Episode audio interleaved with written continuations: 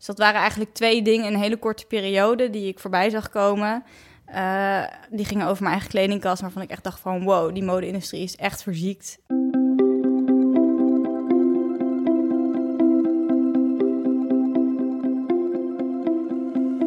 Dit is Het Groene Hart, de podcast van Growthinkers, waarin we op zoek gaan naar het groene hart van onze gasten. Een gesprek met Amy Demkes. Amy is journalist en schrijft over kleding voor de correspondent. Welke verhalen gaan er schuil in je kledingkast? Dat is de vraag waar ze zich mee bezighoudt. Want weet jij door wie jouw kleding wordt gemaakt? Onder welke omstandigheden en hoe het is gesteld met mensenrechten, het dierenwelzijn en de milieuaspecten die komen kijken bij de productie van onze kleding? Amy zoekt het voor ons uit. Amy Demkes, uh, daar zitten wij hier samen mee, Saskia en ik. Uh, welkom. Amy Demkes, je, je, schrijft voor de correspondent over de, de kledingindustrie. Ja, klopt. Hoe lang al nu? Nu iets meer dan twee jaar. Ja. Hoe, hoe ben je bij de correspondent terechtgekomen? Hoe is dat zo gegaan met schrijven, et cetera? Nou, ik schreef al wel over de kledingindustrie voordat ik daar begon, mm -hmm. uh, twee jaar geleden. En ik schreef, in eerste instantie ben ik een eigen blog begonnen, Behind My Closet heette dat. Uh, daarna ben ik bij One World gaan werken. Dat is een tijdschrift uh, en online platform, wat vooral heel veel over duurzaamheid gaat. Ja, dus je bent uh, eigenlijk is je bent begonnen met een eigen blog. Ja, hoe, dat was waar, het allereerste hoe, begin. Hoe ontstond dat, dat je daarover wilde gaan schrijven? Nou, in, toen ik net klaar was na mijn middelbare school, uh, wist ik echt niet zo heel goed wat ik net als heel veel mensen volgens mij niet zo heel goed welke richting op wilde. Ik ook niet. Um, maar ik wist wel dat ik altijd wel, ik wilde wel iets met mode gaan doen. Eigenlijk het ja. liefst een modejournalist, dat leek mij wel wat. Dus okay. toen ben ik in 2012 journalistiek gaan studeren aan, uh, in Tilburg. Uh, aan het Fontes uh, Hogeschool voor Journalistiek. Mm -hmm. En toen, nou ja, ik vond mode, ik dacht ik wil daar wel iets mee doen, maar ik vond het niet echt een soort van, uh, ja, ik kon niet, niet echt mijn eigen ding van maken. En ik vond het ook wel vaak een beetje, die modebladen, ik las het altijd graag, maar het ging wel altijd over trends en over wat er dan nu weer in was. En ik vond, daar, ik vond dat niet heel interessant. Nee. En toen, volgens mij een jaar nadat ik was in 2012 begonnen en een jaar daarna, in 2013...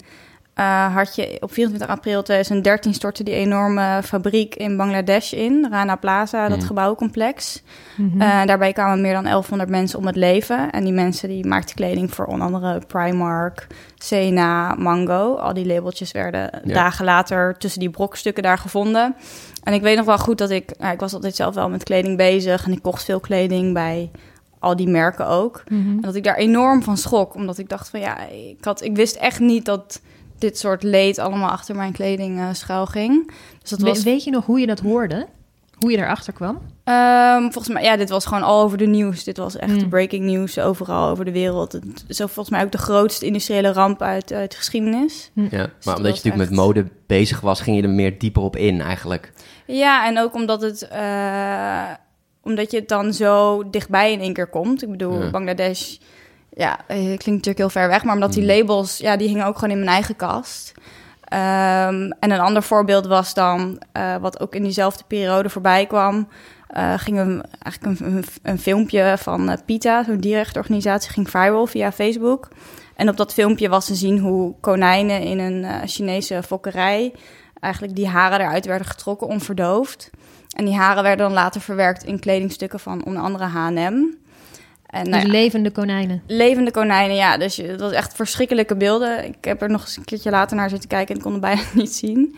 Hmm. Uh, ja, dat deed gewoon super veel pijn. En die worden dan elke drie maanden, als die haren dan weer zijn aangegroeid, ja. worden ze weer uit hun kooitje gehaald. Mij, je schrijft ook voor mij in je artikel van, als ik er nu over schrijf, hoor ik die geluiden weer. Ja. Hoor ik het weer in mijn, zomaar, in mijn hoofd ja. galmen. Ja, het is Ja. echt heel naar. Ja. Uh, en ik ben altijd wel iemand geweest die altijd heel erg met dieren. En ik had vroeger ook konijnen en cavia's en zo. Dus Ja. ik kon me dat heel goed voorstellen hoe, uh, hoe, ja, Ja. hoe erg dat, uh, dat was. En nou ja, ik dus in mijn kledingkast kijken, want ik had niet zo heel lang daarvoor ook nieuwe vestjes gekocht die heel zacht waren bij H&M. Er stond daar dat labeltje Angora wel en die konijnen heten ook Angora konijnen. Dus dat waren eigenlijk twee dingen in een hele korte periode die ik voorbij zag komen.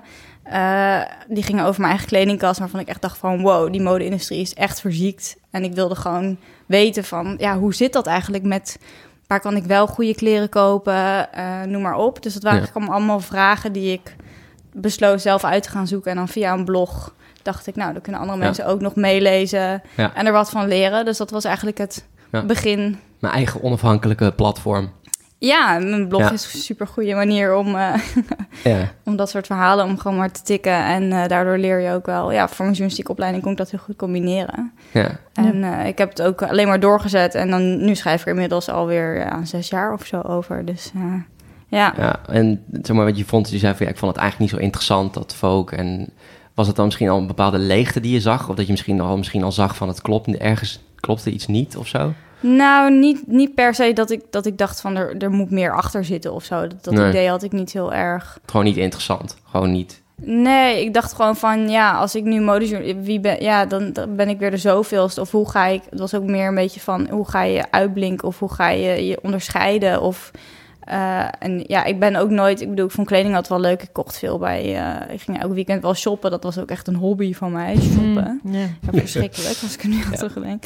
Maar uh, het was nooit zo dat lekker ik Lekker dagje shoppen. Lekker ja. dagje shoppen, ja. lekker H&M'tje in. Shop never stop. Ja, ja. Maar Nee, dit was wel een, uh, ding waarvan ik dacht van hier kan ik volgens mij veel meer uithalen. En bleek ook wel, in, dat was dan in 2013, dat er ook nog best wel weinig over bekend was. Uh, en best wel weinig journalistiek echt goed aandacht aan, aan werd besteed. Mm daarin zag ik wel dat ik dacht van volgens mij kunnen we hier nog wel uh, iets, iets aan bijdragen. Kan ja. ik hier wel iets, ja. ja. En, en dat moment en wat je zegt van ik had echt hobby, shoppen als hobby. Ik ging elk weekend uh, lekker shoppen. En dan, dan zie je zo'n filmpje op Facebook. En dan loop je naar je kledingkast. En dan vind je daar Angora-wol uh, ja. in, je, in je kledingkast.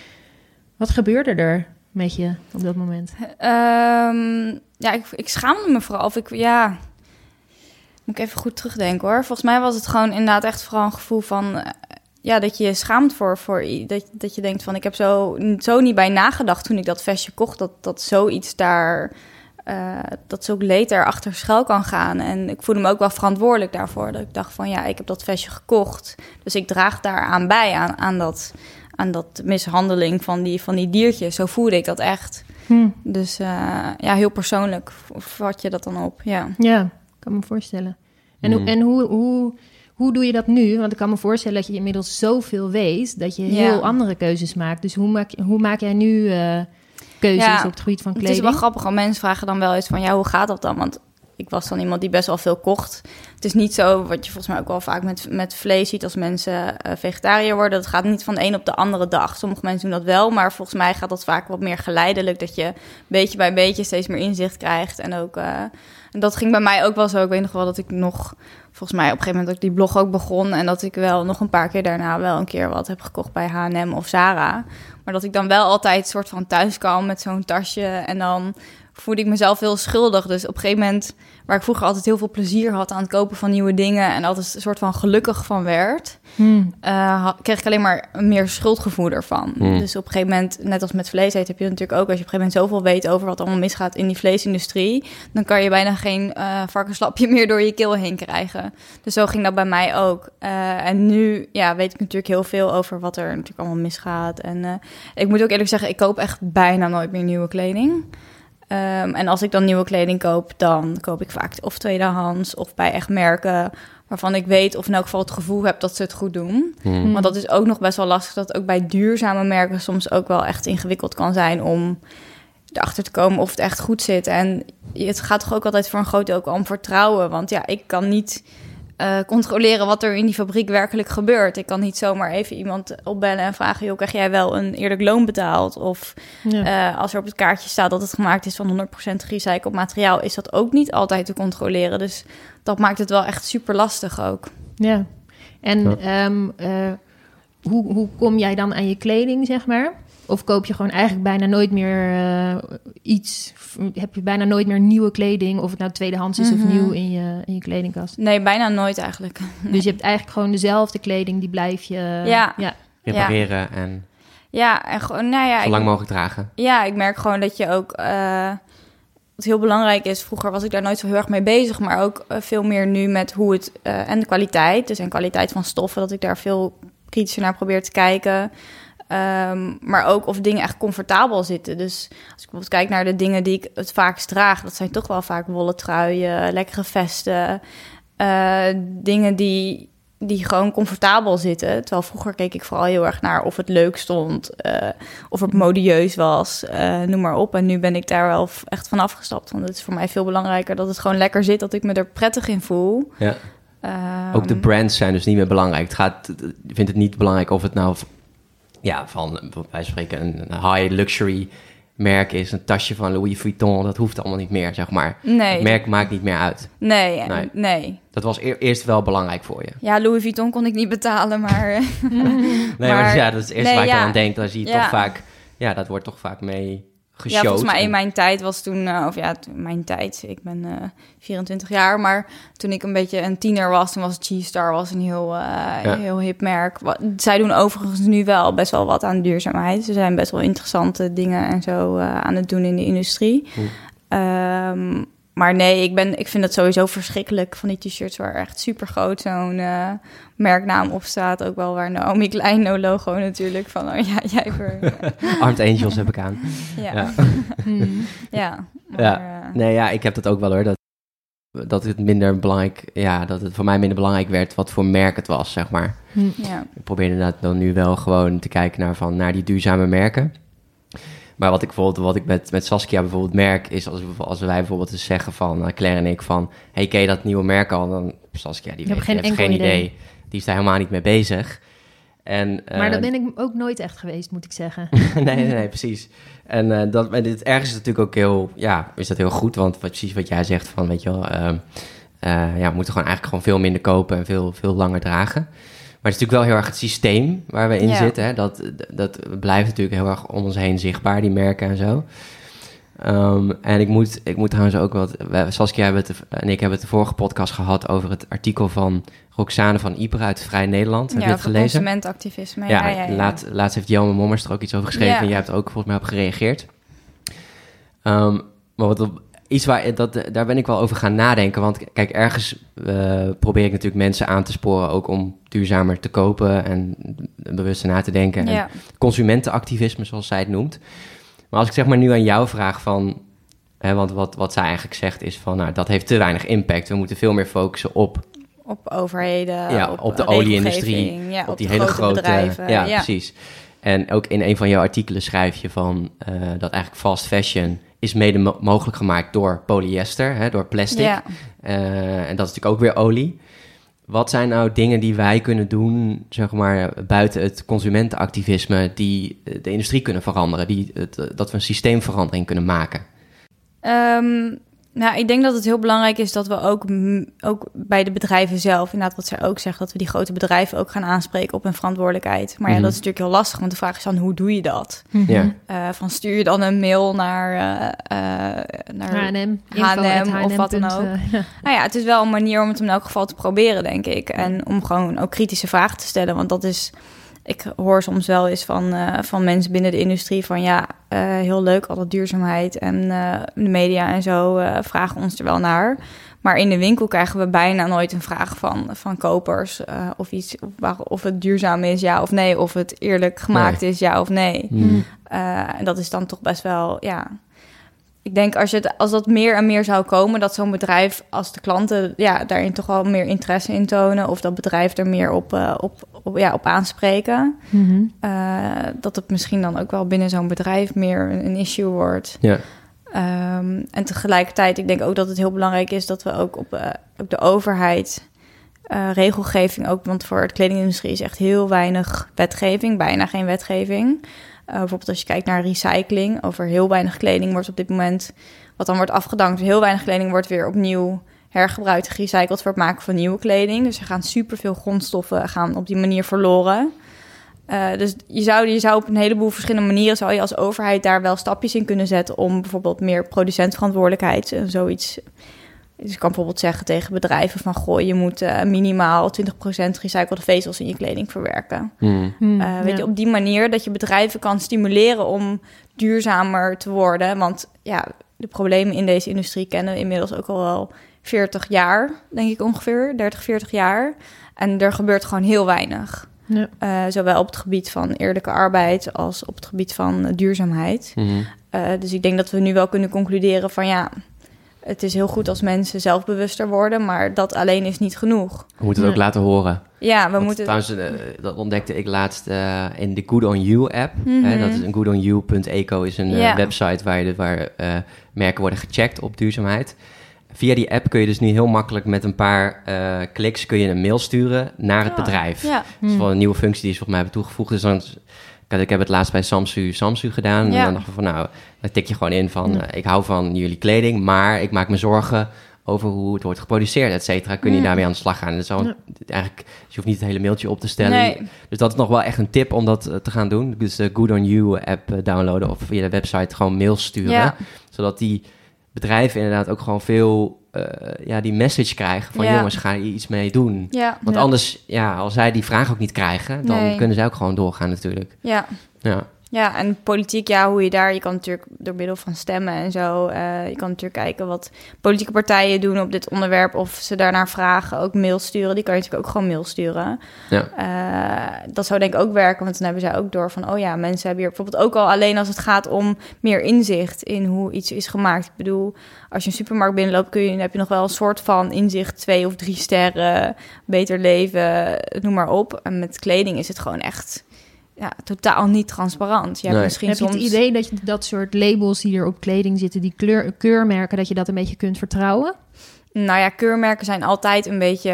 eh, ja, de meeste mensen weten niet echt waar zo'n keurmerk voor staat. En er zijn ook, ook in de kledingindustrie zie je dat er een enorme wildgroei is aan verschillende keurmerken. Je hebt wel een paar hele goede, zoals Gods. Ja. Dat gaat over duurzaam katoen. Maar het zijn ook allemaal losse brokjes. Dus je hebt dan of het gaat over de materialen, of het gaat over arbeidsomstandigheden, of het gaat over dierenwelzijn. Eh, het liefst zou je ook gewoon echt een onafhankelijk label of zo aan een kledingstuk willen, willen hebben, waar je, waardoor je als consument ook ja, gewoon in de winkel Mhm. eh, kan zien ja, wat goed Ja. is en wat niet goed is en wat een betere keuze is. En daarin zou de overheid ook een rol kunnen spelen of initiatief kunnen nemen. Dus je zou ook gewoon kunnen, je, ja, een politieke partij kunnen aanschrijven en zeggen van goh, ik wil eh, graag duurzamere keuzes maken. Eh, jullie moeten daarbij helpen, want ik weet het gewoon niet. Ja. En als je kijkt naar, eh, wat je kunt inderdaad, hè, je zegt van politiek eh, eh, op de een of andere manier laten weten dat je het belangrijk vindt, Mhm. bedrijven laten weten dat je het belangrijk vindt. En als je nou verder kijkt naar je, je, je handelingsperspectief, zeg maar, in je dagelijks leven. Als jij zou zeggen van, nou, als ik, een, als ik kan zeggen van, dit is hoe je nou op het gebied van kleding de meest duurzame keuzes kunt maken, wat zou je dan adviseren? Mm, ja, ik denk dat het gewoon heel belangrijk is sowieso om minder te kopen. Want elk kledingstuk, ook hoe goed het nou is gemaakt, hoe duurzaam, eh, of het nou bio-katoen is of recycled polyester, noem maar op. Het heeft altijd impact. Eh, dus het beste is gewoon, en als je kijkt naar gemiddelde aantal kledingstukken in een Nederlands kledingkast, dan kan je best wel constateren dat er best wel veel zijn. Volgens mij ooit een keer een onderzoek geweest eh, van Irene, ik even haar achternaam kwijt. Maar zij had een onderzoekje gedaan ook naar, aan het kijken van hoeveel kledingstuk hangen er nu eigenlijk bij mensen in Nederland in de kledingkast. En het gemiddelde was iets van 168. Hm, Zo. Dat is best wel veel. ja. Dus je kunt je ook afvragen van ja, heb ik dan echt nog wel weer wat nieuws nodig?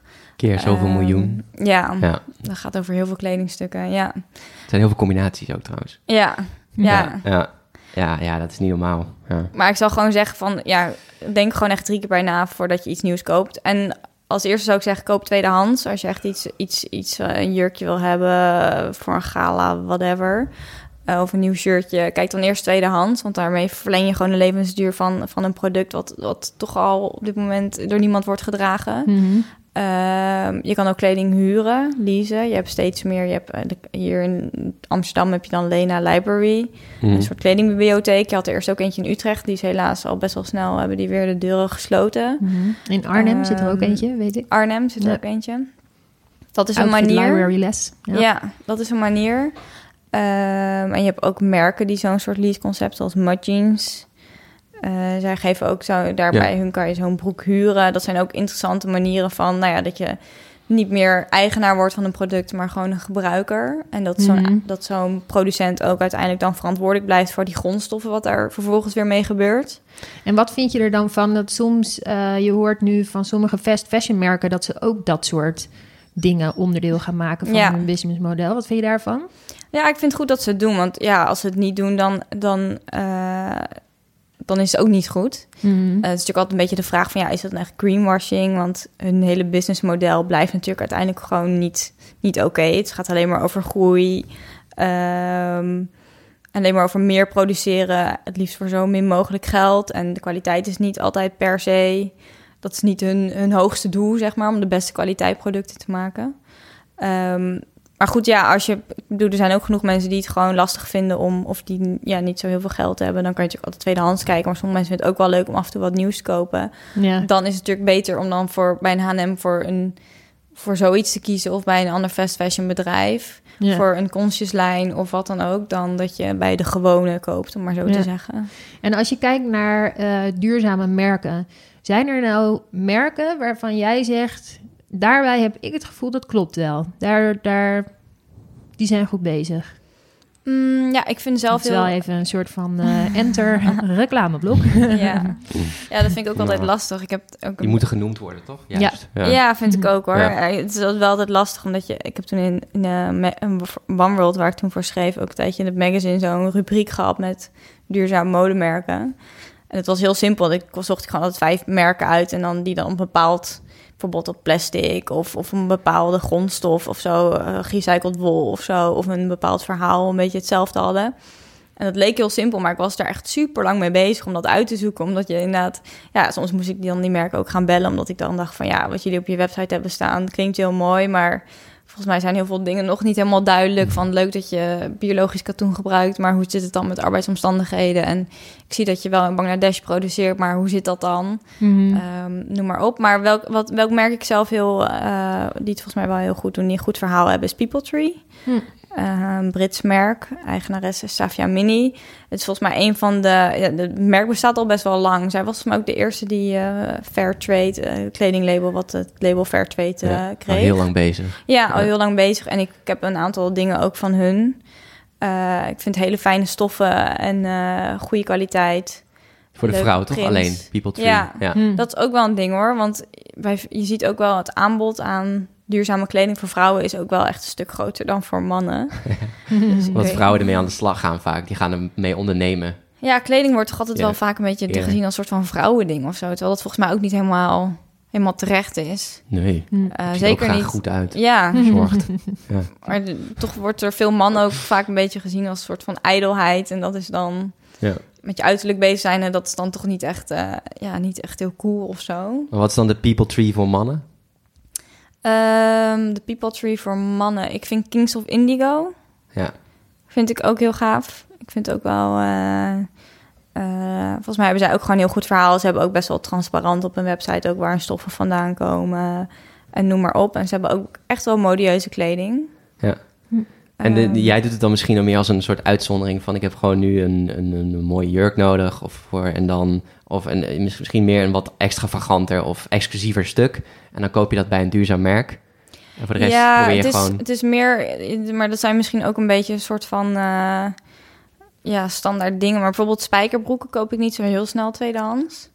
Maar Nee. het is misschien een soort van gewoonte of zo dat ik heb. Maar ik heb dan een eh Koichi en Kings of Indigo. Dat vind ik dan wel hele. Dat zijn spijkerbroekenmerken die goed, die, ja, die gewoon goede modellen hebben die voor mijn lichaam passen. Dus dan raak je daar een beetje aan gehecht. Hm. Eh, dus dan als ik een spijkerbroek nodig heb, dan koop ik die bij hun. ja, Ja. Ehm, maar voor de rest kijk ik eigenlijk altijd, als ik eh, iets nieuws nodig heb, kijk ik in principe altijd gewoon wel, eh, wel tweedehands.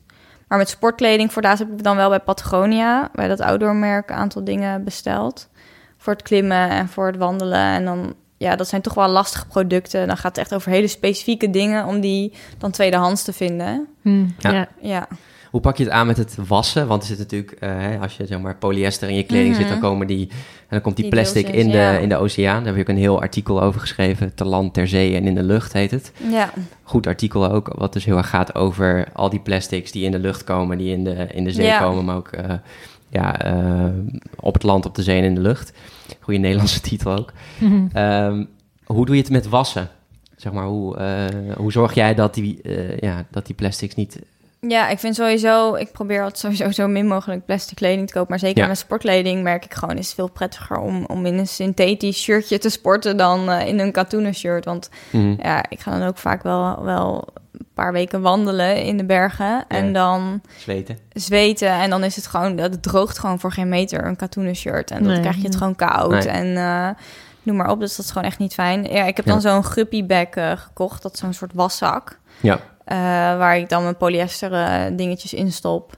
En dat zou dan ervoor moeten zorgen dat die plastic microfibers niet vrijkomen. Maar het is, er zijn wel onderzoeken naar gedaan en die constateren wel dat het inderdaad veel minder is. Maar er zijn ook wel weer vragen over van ja, je haalt die kleding vervolgens weer uit die zak. Mhm. Komen die deeltjes dan niet alsnog vrij of hoe zit dat dan? Ja. Eh, en er zijn natuurlijk ook wel hierbij kan je natuurlijk ook zeggen van ja, zo'n zak kost 35 euro volgens mij. Nou, niet heel goedkoop.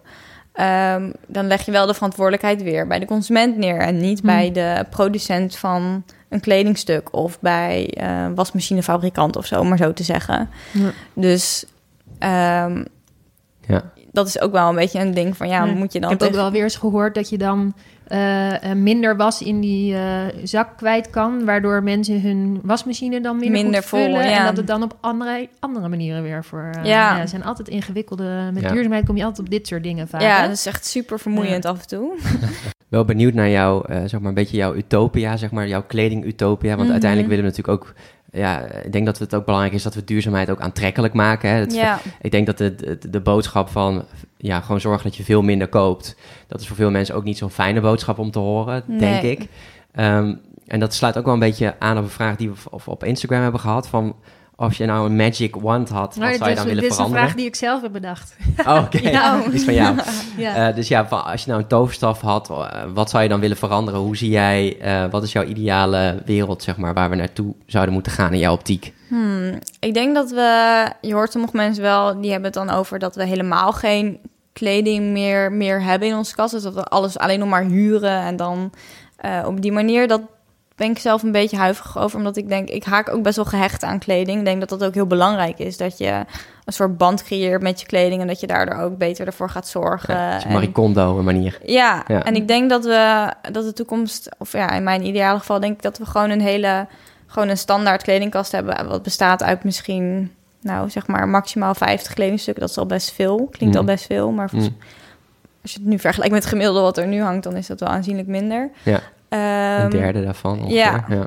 en dat we dat dat gewoon echt, ja, een beetje misschien meer basic kledingstukken, maar echt kwalitatieve kledingstukken waar we gewoon heel lang mee doen. Ja. Idealiter gewoon 10 jaar lang, misschien wel langer, 15, 20 jaar lang met, met bepaalde kledingstukken. En daar gewoon echt netjes mee omgaan. Dus het goed verzorgen en het ook weer, eh, ja, misschien weer, of ja, misschien weer vermaken of zelf maken als het kapot gaat. Ja. En af en toe Ehm. ruilen misschien met anderen, zodat je nog wel een beetje die en variatie ruilen. houdt. Nou ja, die variatie denk ik komt door en door ruilen. Doordat Ja. je dan inderdaad af en toe... Doe jij ook vaak, hè, eh, Sas? Ja. Ruilen? Ja. Ja. Ja, Ja. superleuk. Ja. En door te huren. Dus dat je bijvoorbeeld zeker voor speciale gelegenheden... als je een keer een trouwerij hebt of een feestje... waarin je gewoon heel erg eh, gewoon een keer echt een hele gave jurk aan wil... van een heel vet merk. Mhm. Mhm. Eh, dan denk ik dat ook huren en eh, dat dat zeker al eh, een uitkomst biedt, ja. Jij zegt nu vet, echt vet merk. Is er nog een guilty pleasure die je hebt qua merk? Van, dat, dat, eh, daar loop ik graag naar binnen om even te kijken wat ze hebben, maar koop ik toch liever niet. Of misschien toch wel. Ja, ik vind, nou ja, het is niet echt een guilty pleasure, maar ik vind Stella McCartney wel heel gaaf. Ja, ja. Maar dat is meer dat het een guilty... Ik kan het gewoon niet betalen. Mhm. Dus, maar wel, wel heel gaaf het wat lijkt zij me doet. wel heel gaaf. Ja. Ja, ook wat zij doet, zeker Ja. in die in die Ken je Stella McCartney, eh, eh, Saskia? Ja hoor, ja, ja. Die ken ik dan nog net wel. Ja. ja. Ehm, ik Ja. ben nog wel benieuwd, eh, eh, als je kijkt naar hoe de situatie nu is in de kledingindustrie. Wat is nou wat jou betreft het allergrootste probleem? Of laten we zeggen, misschien de drie grootste problemen. Hmm, ja, ik denk nog steeds echt eh, een heel groot probleem is dat heel veel kledingarbeiders gewoon geen leefbaar loon betaald krijgen. En dat is heel belangrijk om het leefbaar loon te zeggen, want heel veel merken geven dan op hun website aan van, nou ja, we betalen onze arbeiders eh, het, minimum, het, het loon eigenlijk, het standaardloon of het minimumloon wat in dat land geldt. Eh, maar het minimumloon ligt vaak veel lager dan het leefbaar loon. Als je bijvoorbeeld kijkt naar Bangladesh of naar eh, Myanmar of naar Ethiopië, eh, landen waar nog altijd de meeste van onze kleding wordt gemaakt. En dat is gewoon problematisch, want ja, er werken miljoenen mensen in deze, in deze industrie. Toch wel tot 100 miljoen mensen in die fabrieken. Eh, en die kunnen gewoon niet, niet rondkomen van, terwijl ze daar vaak vijf, zes dagen in de week echt enorm lange dagen maken. Uh, en dat zorgt, dat zorgt ook gewoon voor andere problemen. Dus ja, als iemand uh, niet uh, genoeg kan verdienen, dan moeten die kinderen meegaan. Die gaan, dan gaan die kinderen weer, vaak ook in andere sectoren, moeten dan ook meegaan werken om toch aan het eind van de dag gewoon normaal eten, een goede maaltijd op tafel te krijgen. Dus dat is gewoon echt iets. En dat, dat, dit, dit, dit is ook zo'n probleem wat gewoon al 30 jaar lang speelt. Waar het gewoon echt een keer tijd wordt. Iedereen wijst naar elkaar. Van de merken wijzen naar de overheden in, in die landen zelf. Van ja, zij moeten zij zeggen dat dit het minimumloon is. Dus dat betalen wij gewoon. Wij houden ons aan de wet. Uh, maar dat gaat gewoon niet ver genoeg. Dus het wordt echt tijd dat, het, dat daar iets aan, aan ja, dat daar ingegrepen wordt, dat daar iets aan gaat veranderen. Um, een ander probleem. Um, is denk ik ja, gewoon echt, echt milieu-impact van kleding. Gewoon echt sowieso van grondstoffen, maar ook van het maakproces van die stoffen zelf is heel vervuilend. Dus, uh, en, het, en het verven en het meegeven van een soort van eigenschappen. Want in heel veel kledingstukken worden ook van stoffen worden allerlei eigenschappen soort van meegegeven om bijvoorbeeld uh, minder zweterig te laten maken of om het water afstotend te maken. Uh, en dat zijn gewoon hele vaak gewoon schadelijke middelen. En daar is ook nog best wel weinig zicht op waar dat allemaal precies gebeurt en wat echt de impact daarvan is. Maar die is gewoon, ja, we weten gewoon dat dat wel aanzienlijk bijdraagt aan de milieuvervuiling in die sector. Dus daar moet echt wat aan gedaan worden. En ook een heel groot probleem in deze sector is, uh, ook in de fabrieken zelf, zie je dat er veel, um, um, ja, dat vrouwen vaak heel slecht behandeld worden. Uh, omdat er vaak zijn de eigenaren van fabrieken zijn mannen. En de werkvloer bestaat voor een kledingindustrie voor 80% uit vrouwen. Dat er gewoon heel vaak gewoon seksuele intimidatie is en uh, noem maar op. Hm. En dat is heel moeilijk om dat echt aan het licht te brengen. Er zijn wel verschillende onderzoeken ook naar gedaan. Maar die vrouwen, ja, die is, is ook nog eens een cultureel ding. Dus in, in India bijvoorbeeld, in Bangladesh speelt het heel erg Pakistan. Uh, dat daar sowieso vrouwen al best wel een, een, andere positie hebben dan alleen al hier in Nederland. Dus dat maakt het ook nog eens veel lastiger om dit soort verhalen ook echt naar boven te krijgen. Maar wat, er, wat we erover horen, dat het wel echt heel verschrikkelijk is en dat het waarschijnlijk veel groter is dan dat we nu al weten. Mm. Ja. Ben jij veel bezig met uh, klimaatverandering, uh, zo dagelijks? Zit het veel in je hoofd? Um, ja, ik ben, ik ben altijd wel bewust, ook door mijn dossier natuurlijk, kledingindustrie en ook over duurzaamheid, dat het wel een ding is. Ben ik daar ook op andere manieren wel uh, mee Maak je ook zorgen erover? Uh, ja, zeker. Ja. ja. Ja.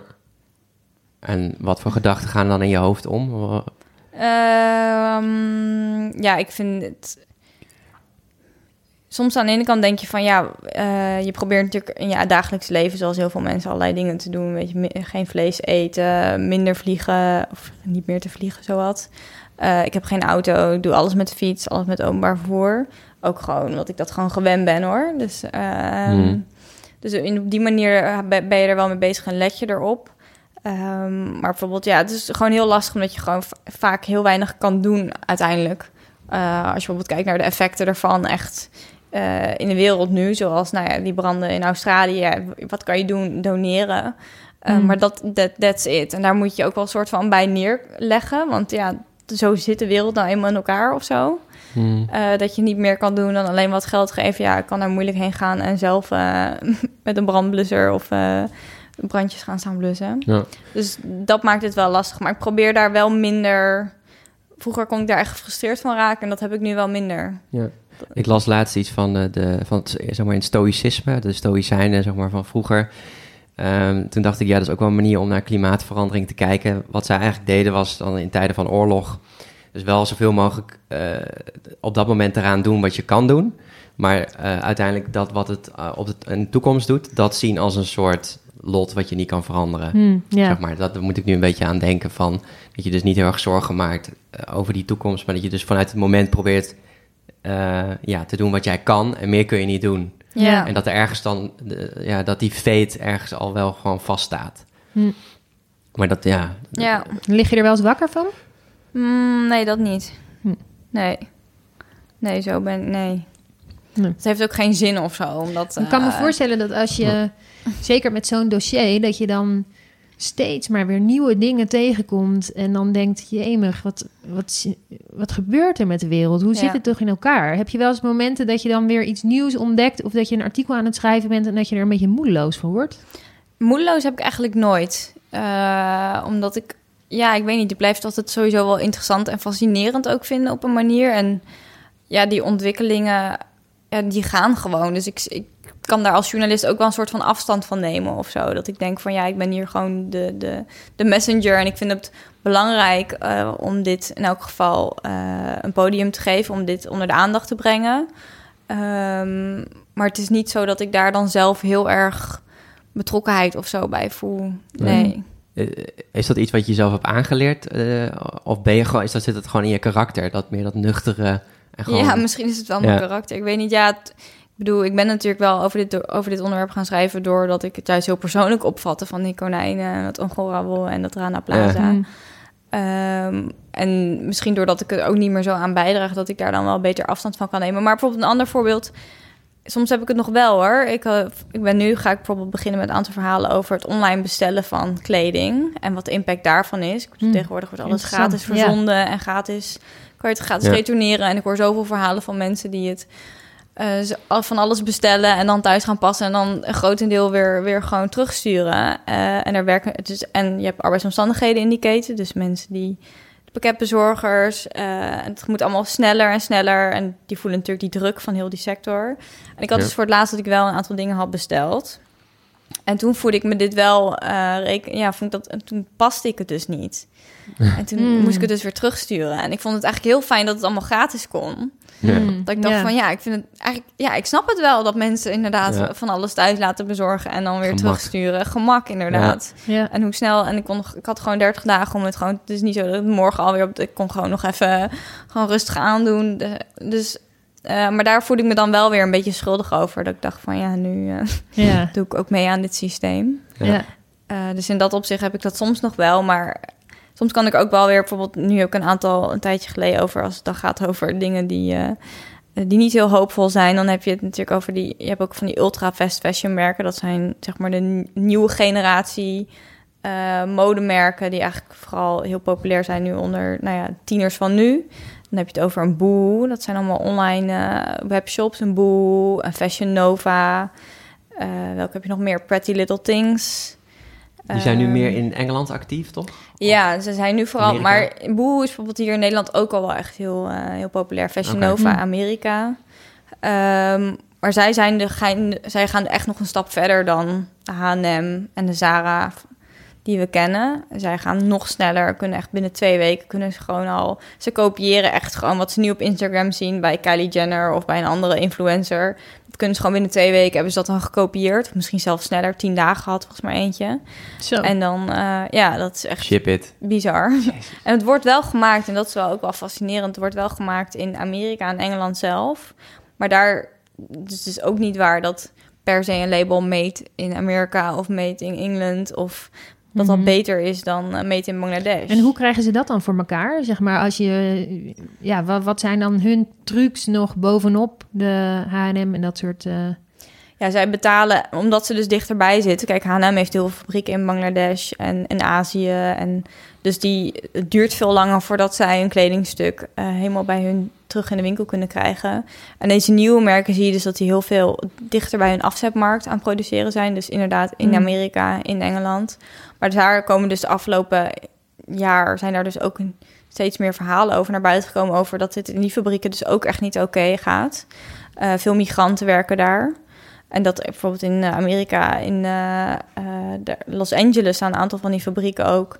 Daar werken dan veel Mexicanen. En die krijgen dan ook, zijn vaak illegaal daar. Dus die krijgen dan ook zeker niet de minimumloon betaald. En die durven zelf ook niet, of die gaan zelf ook niet daar iets over zeggen. Want die, nee, zijn ja, dan worden ze, ja, ja. zijn illegaal. Uh, dus je ziet, dus daar gaan ook echt een heleboel dingen gewoon helemaal gewoon mis. Ja. ja. En vaak helemaal allemaal polyester. Allemaal gewoon polyester, zeg maar, het allergoedkoopste materiaal wat er is. Ja. Uh, nou ja, dat wordt... Uh... Plastics. Ik nog een hele andere vraag. We moeten zo gaan afsluiten. Ja, als laatste. Ja. Um, of één laatste. Um, uh, bij, als je eten koopt, dan uh, is het zo dat, je, dat het juist handig is om uh, producten te kopen die dreigen verspild te worden. Dus waar een 35% korting mm -hmm. sticker bijvoorbeeld op zit. Uh, want dan kom, voorkom je verspilling. Ja. Nou krijg ik regelmatig op Instagram de vraag... kun je dat dan ook vertalen naar kleding? En betekent het dat je als je kleding in de sale koopt, dat dat eigenlijk een soort van 35% kortingsticker is. Dus dat je daarmee eigenlijk die kleding redt van verspilling. Hoe zie jij dat? Hmm, goeie vraag. Ehm, nou, wat ik sowieso wel met sale denk ik altijd van... in de kledingindustrie is zeg maar anders dan in de supermarkt. is er zeg maar altijd sale. Alles, alles is bijna altijd wel aan de sale. Dus het is Mhm. niet zo dat dingen... En het is natuurlijk ook wel echt een heel groot verschil tussen een, een, een ja... Een, een product in de, in, de, in de supermarkt, dat gaat wel echt over datum. Eh, terwijl eigenlijk een kledingstuk kun je denken van ja, die, dat hele modesysteem heeft natuurlijk een soort van zelf bedacht dat dingen binnen no time over de datum gaan, zodat we weer iets nieuws kunnen komen, zodat mensen weer opnieuw terugkomen, omdat er weer wat nieuws te vinden is. Ehm, en volgens mij, als je juist zoiets koopt wat dan in de sale is, draag je heel erg bij aan dat systeem. Ja. Zo zie ik dat wel. Ik denk dat het veel beter is om, om het juist niet te doen. En dan, weet je, als die merken op een gegeven moment zoveel overhouden, eh, dan hoop ik dat toch wel een keer, ja, dat ze toch wel een keer doorhebben van, oké, dat model werkt dus blijkbaar niet, of dat is niet. Dat Maar dan wordt er ook vaak verbrand Ja. bij sommige merken. Ja, sommige merken doen dat. Ja, volgens mij was het vorig jaar Gucci die eh, voor eh, 1,2 miljard dollar of zo aan spullen Zo, en producten ja. had eh, verbrand. Zeker bij die duurdere merken zie je ook dat zij echt een bepaald imago hoog te houden hebben. eh, ja, hoog te houden hebben. Dus die zijn Mhm. dan bang dat het op de zwarte markt of dat het voor veel minder geld. Die, Ja. die willen ook geen sale doen, want dan, ja, als de verkoopprijs omlaag gaat, dan gaat ook het imago van zo'n merk gaat, gaat aan flarden. Wordt ook eh, voor isolatiemateriaal verkocht, toch? Ook wel eens kleding. Ja, kleding, eh, zeker. In Nederland gooien we per persoon 15 kilo kleding per jaar weg. Dat is echt wel veel. Hmm. Ehm, En heel veel kleding wat dan in die kledingbakken terechtkomt. Dus je hebt dan over Leger des Heils, Zamelkleding en Symphony... zijn de twee grote eigenlijk hier in Nederland. Zij verkopen dat vaak grotendeels allemaal weer naar commer- aan commerciële organisaties. Eh, en een deel daarvan, een heel groot deel, het overgrote deel gaat... als tweedehands gaat het naar Oost-Europa of naar Afrikaanse landen. Een heel klein deel naar eh, India of naar Pakistan. Eh, en een ander deel wat echt niet meer verkoopbaar is... Dat wordt dan gebruikt vaak, wordt gerecycled als isolatiemateriaal. Mm. Maar dat is eigenlijk best wel zonde, omdat veel van die kleding, ja, die grondstoffen zijn best wel kostbaar om te maken. En je downcycelt het eigenlijk. Dus je haalt eigenlijk de hele waarde uit zo'n kledingstuk, haal je eruit. Mm. Eh, kijk, bij poetsdoeken of zo, of bij eh, handdoeken of zo, kan ik me best wel voorstellen dat je daar isolatiemateriaal van maakt. Want daar kan je niet heel veel, dat kun je niet echt goed meer upcyclen. Maar heel veel kleding kan, zou dat in principe nog wel kunnen. Ja. En idealiter zou je natuurlijk willen dat we een systeem hebben waarin alle weggegooide kleding, dat de grondstoffen daar, daarvan weer opnieuw gebruikt worden voor het maken van nieuwe kleding. Mhm. Dat gebeurt nu dus Ja. echt Circulair. niet. Nee. Of in elk geval bijna niet. Het zijn een paar kleine merken, maar echt op hele kleine schaal gebeurt dit. En daarvan zou je eigenlijk willen, want ja, dat is gewoon zo zonde dat we die, die grondstoffen, die kostbare grondstoffen, gewoon allemaal ja, of weggooien of downcyclen. eh, in plaats van dat Ja. we er weer Ja. nieuwe producten van maken. Je bent ook geweest, toch? Bij die plek waar het allemaal terechtkomt. Ja, Bij die, eh, de ja bij die dat- grote inzamelaars. Ja. Komt er misschien nog een eh, Amy Demkes documentaire of boek aan? Of, eh, Nou, voorlopig eh, nee. Nee? Ik, heb wel, ik zou wel genoeg eh, dingen hebben om, om...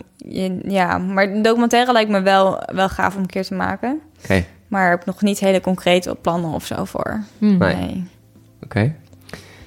Nou, we gaan afsluiten. Zo. Ja. De laatste vraag. We moeten nog iets van jouw groene hart. Iets wat je nog tegen de luisteraar, wat je nog aan de luisteraar zou willen meegeven. Ja, ik, ik zou eigenlijk vooral willen meegeven... Ik, ik, ik zal nooit zeggen dat je vanaf nu niet meer je kleding moet kopen bij dat merk of bij dat merk. Maar ik denk dat het gewoon heel belangrijk is dat je eh, gewoon heel bewust bent bij wat je koopt. En gewoon echt nadenkt voordat je iets aanschaft van hoe vaak ga ik dit dragen? Heb ik dit echt nodig? Ehm, noem maar op. En dat je gewoon echt kritisch bent op, op wat je koopt. Eh, en als je vragen hebt, laat het dan ook echt vooral weten aan, aan de bedrijven zelf. Als je Mhm. vragen hebt over arbeidsomstandigheden, over milieu of noem maar op. Houd het niet bij jezelf, maar ga er echt, kom er gewoon mee naar buiten. Want het is zo belangrijk dat meer mensen gewoon van zich gaan laten horen dat ze het belangrijk vinden om dit soort dingen te weten. En het gebeurt echt veel te weinig. Dus Ja. eh, doe dat vooral. Mooi. Dankjewel, Amy. Dank je. Dit was het groene hart van Amy Demkes. Ben je benieuwd naar de dingen die we hebben besproken in de podcast? Kijk dan in de show notes.